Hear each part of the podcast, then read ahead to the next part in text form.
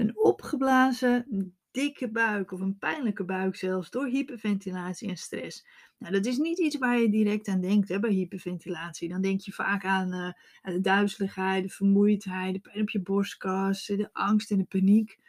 Maar er zijn natuurlijk heel veel meer klachten die kunnen ontstaan door de ademhaling, door de stress en de hyperventilatie. Nou, een opgeblazen pijnlijke buik is daar één van. Er zijn echt heel veel mensen die daar last van hebben. Uh, dan kan je denken aan de darmklachten, hè, dat je daarom last van je buik hebt. Zoals uh, obstipatie, de verstopping, acute diarree, als je angst of als je paniek hebt of als je heel erg schrikt. Maar dus ook een opgeblazen buik, een zere buik. Dat kan je merken doordat je buik harder en ronder aanvoelt en soms ook echt zichtbaar boller uh, kan zijn dan normaal. En net alsof je veel te veel hebt gegeten of je, je lijkt wel zwanger, zeg maar. Echt zo'n opgeblazen buik kan je hebben. Nou, naast dat wij vaak gewoon ontzettend ongemakkelijk vinden als onze buik dikker is dan normaal, voelt het vaak ook echt vervelend en onaangenaam. Hè? Onder andere omdat je kleding kan knellen. En omdat we het vaak natuurlijk ook gewoon niet mooi vinden. Nou, sommigen hebben dit af en toe eens een keertje, maar er zijn ook mensen die hebben dit gewoon elke dag. Nou, stress als oorzaak van die opgeblazen buik. Hoe zit dat? Nou, als wij stress ervaren, dan wil je lichaam je helpen hè, om dit zo goed mogelijk te doorstaan. Er worden stresshormonen aangemaakt die ervoor zorgen dat jij die stress goed aan kan. En je lichaam maakt zich klaar om te vechten en of te vluchten. Ja, super handig als we moeten vluchten uit dat brandende huis bijvoorbeeld. Maar ervaren we langere tijd stress, chronische stress, dan kan het ervoor zorgen dat je klachten krijgt. Nou, een van die klachten is dus dat je last kan krijgen van je buik. Maar ook van je bekkenbodem, je onderrug en, je darmen. Maar ook dus die opgeblazen zere buik. Want als we stress hebben, dan gebeurt er gewoon heel veel in ons lichaam. En je lichaam, want ik zei, dat maakt zich klaar hè, om te vluchten of te vechten. Nou, dat zorgt er onder andere voor dat die ademhaling zich versnelt, maar er gebeurt ook veel met je spijsvertering. Je kunt dus last krijgen van die acute diarree als je schrikt of als je paniekaanval hebt.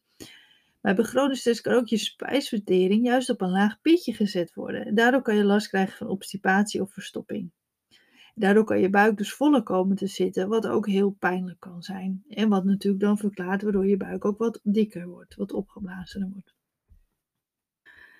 Maar Ademhaling speelt er ook een belangrijke rol in. onze ademhaling hoort als we ontspannen en rustig zijn in onze buik te zitten. Het grootste deel van de dag zitten wij en dan zou in, in, de, in de ideale situatie de ademhaling in je buik horen te zitten. En die natuurlijke beweging in de buik zorgt voor een massage van de darmen.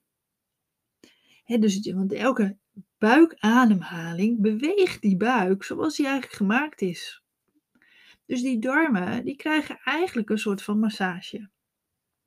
Maar als wij dus te hoog ademen, dus in die borstkas, dan mis je buik dus die natuurlijke massagebeweging.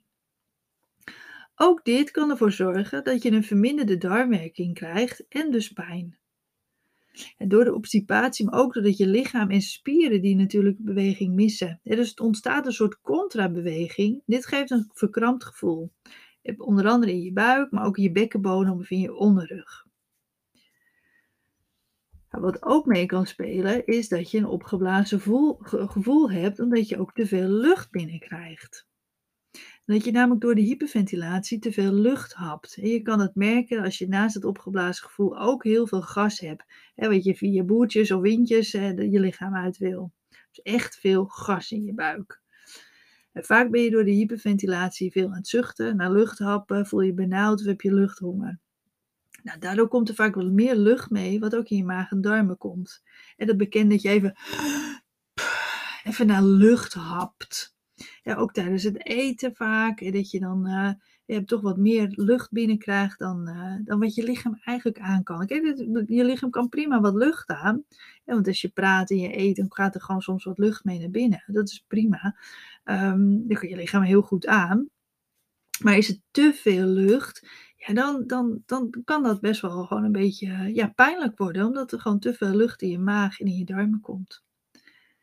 Nou, heb jij vaak last van dat opgeblazen gevoel? Let dan ook echt goed op wat je eet en drinkt, want je voeding kan ook een belangrijke rol spelen. En gekruid, uh, gekruide voeding bijvoorbeeld vind je darmen dan vaak niet zo lekker. Veel gistproducten, hè, dat gaat gisten in je buik. Uh, maar ook frisdrank, hè, koolzuur, zorgt ook weer voor extra gas en lucht in je buik. En dat zijn dingen die je beter kan kan vermijden. Maar zorg er natuurlijk ook voor dat je weer goed leert ademen naar je buik, want dan zul je snel merken dat je klachten minder gaan worden. Want door die weer goed naar je buik te leren ademen, zo krijg je natuurlijk weer die natuurlijke beweging naar je buik. En dan zal je merken dat, uh, ja, dat allemaal veel beter weer gaat functioneren. En uh, vaak kan je ook niet meer zo goed naar je buik ademen, hè, omdat het zo gespannen en vast allemaal zit. En dan is het gewoon heel belangrijk om weer met je ademhalingsspieren goed te leren ademen. En kijk, op je buik of op je rug gaan liggen met je handen op je buik en gaan tellen van zoveel tellen in, zoveel tellen uit. Dat werkt vaak gewoon onvoldoende. Hè? Want dat, dat, dat doet alleen maar wat met je ademhalingscentrum en niet met die ademhalingsspieren.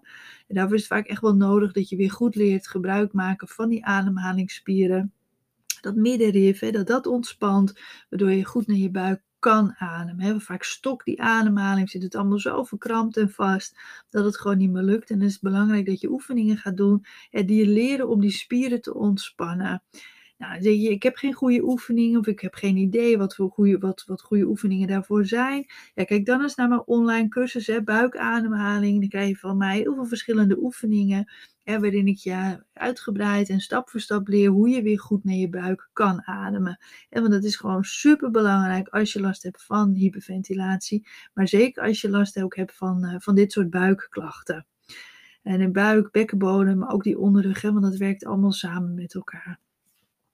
Nou, bedankt voor het luisteren weer en ik hoop je bij een volgende aflevering uh, weer te zien. En heb je hier nog vragen over? Weet je, nou, ik wil het allemaal nog eens een keertje nalezen. Kijk dan op mijn website www.hyperventilatiecoach.nl. Daar staat een zoekbalk op en dan kan je bijvoorbeeld darmen invullen of buik en dan krijg je alle uitleg te zien die op mijn website staat over dat onderwerp.